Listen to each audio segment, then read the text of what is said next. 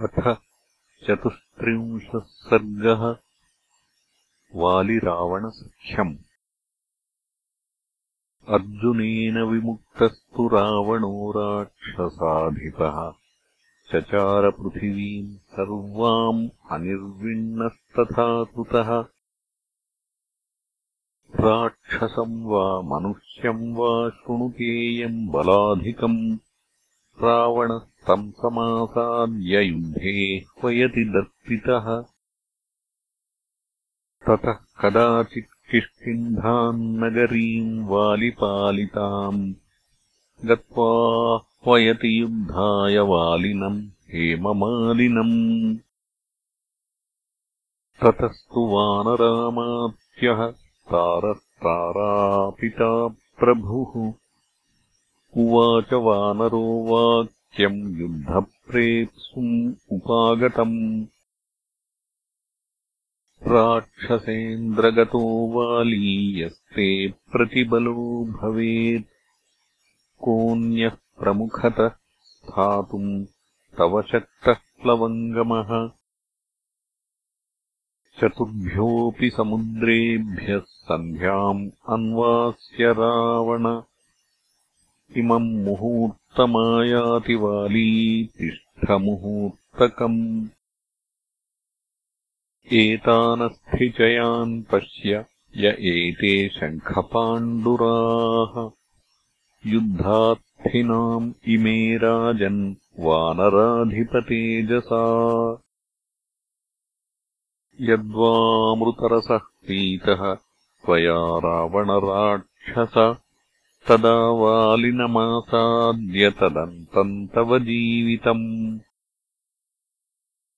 पश्येदानीम् जगच्चित्रम् इमम् विश्रवसः सुत इदम् मुहूर्तम् तिष्ठस्व दुर्लभन्ते भविष्यति।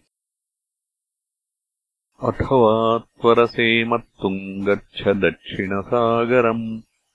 वालिनम् द्रक्ष्यसे तत्र भूमिः मिव पावकम्।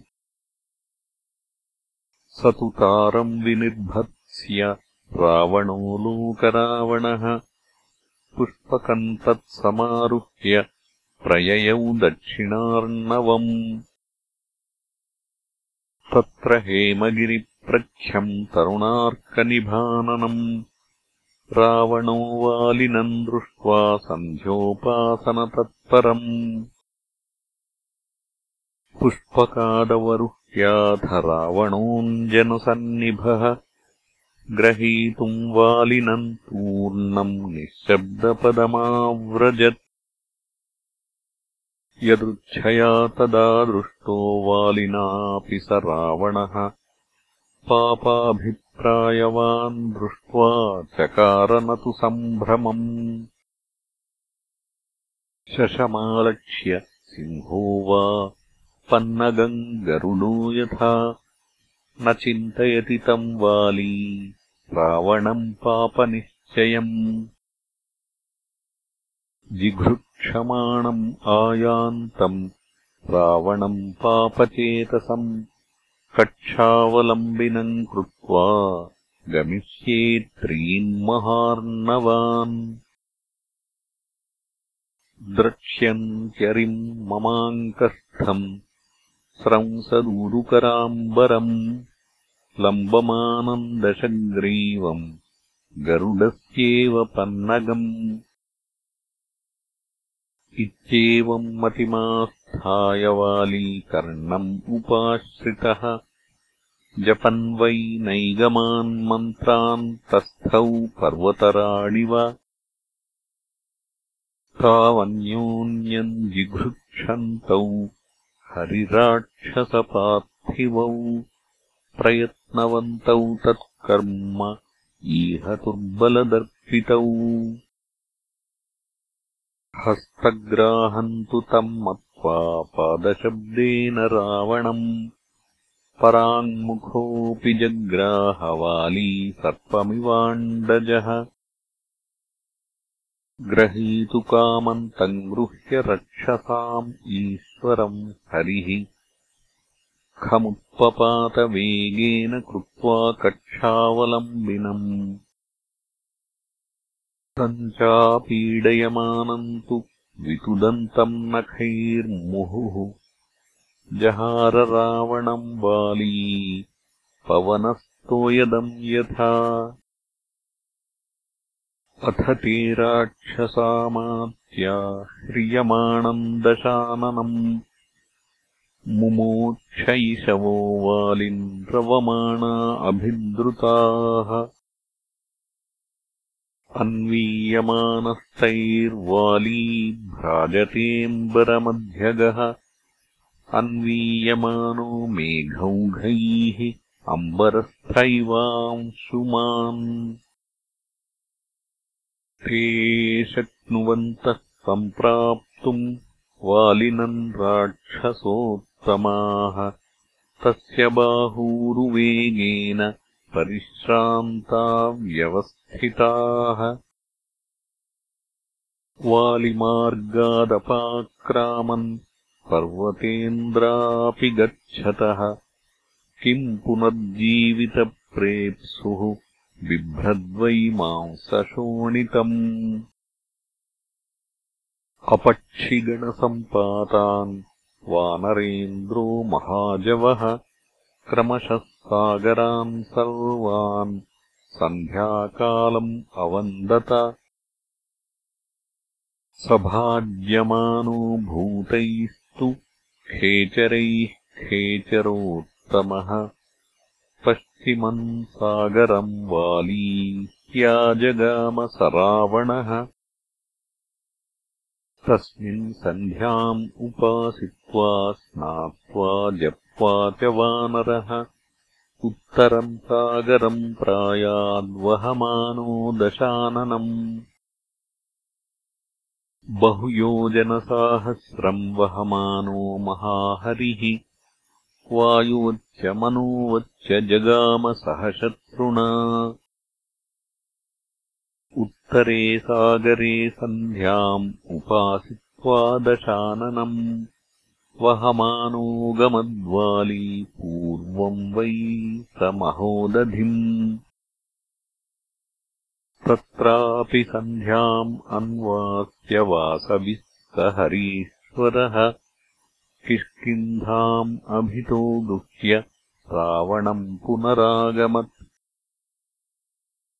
चतुष्वपि समुद्रेषु सन्ध्याम् अन्वास्य वानरः रावणोद्वहनः श्रान्तः किष्किन्धोपवने पतत्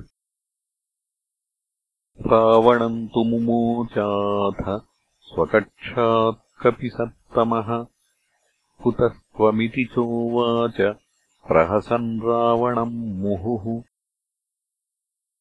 विस्मयन्तु महद्गत्वा श्रमलोलनिरीक्षणः। राक्षसेन्द्रो हरीन्द्रम् तम् इदम् वचनमब्रवीत्। वानरेन्द्रमहेन्द्राभ राक्षसेन्द्रोऽस्मि रावणः युद्धेप्सुरिह सम्प्राप्तः स चाद्यासादितः त्वया अहो बलम् अहो वीर्यम् अहो गाम्भीर्यमेव च। येनाहम् पशुवद्गृह्य भ्रामितश्चतुरोर्नवान् एवम् अश्रान्तवद्वीरशीघ्रमेव महार्णवान् माम् चैवोद्वहमानस्तु कोऽन्यो वीरः क्रमिष्यति। त्रयाणामेव भूतानाम् गतिरेषा प्लवङ्गम मनोनिलसुपर्णानाम् तव चात्र न संशयः। सोऽहम् दृष्टबलस्तुभ्यम् इच्छामि हरिपुङ्गव त्वया सह चिरम् सख्यम् सुस्निग्धम् पावकाग्रतः।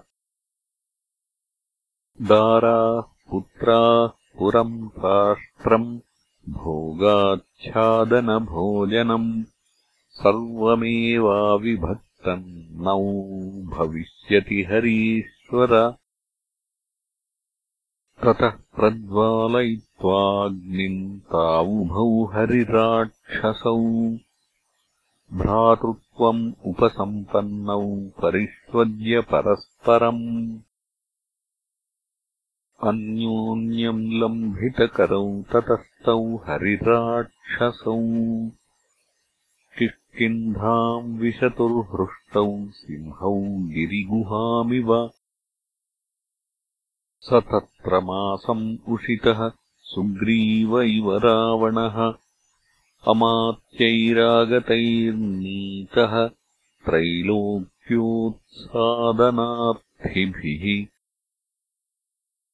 एवमेतत्पुरावृत्तम् वालिना रावणः प्रभो धर्षितश्च कृतश्चापि भ्राता पावकसन्निधौ। बलम् अप्रतिमम् रामवालिनो भवदुत्तमम् सोऽपि त्वया विनिर्दग्धः शलभो वह्निना यथा इत्यार्षे श्रीमद् रामायणे वाल्मीकीये आदिकाव्ये उत्तरकाण्डे चतुस्त्रिंशः सर्गः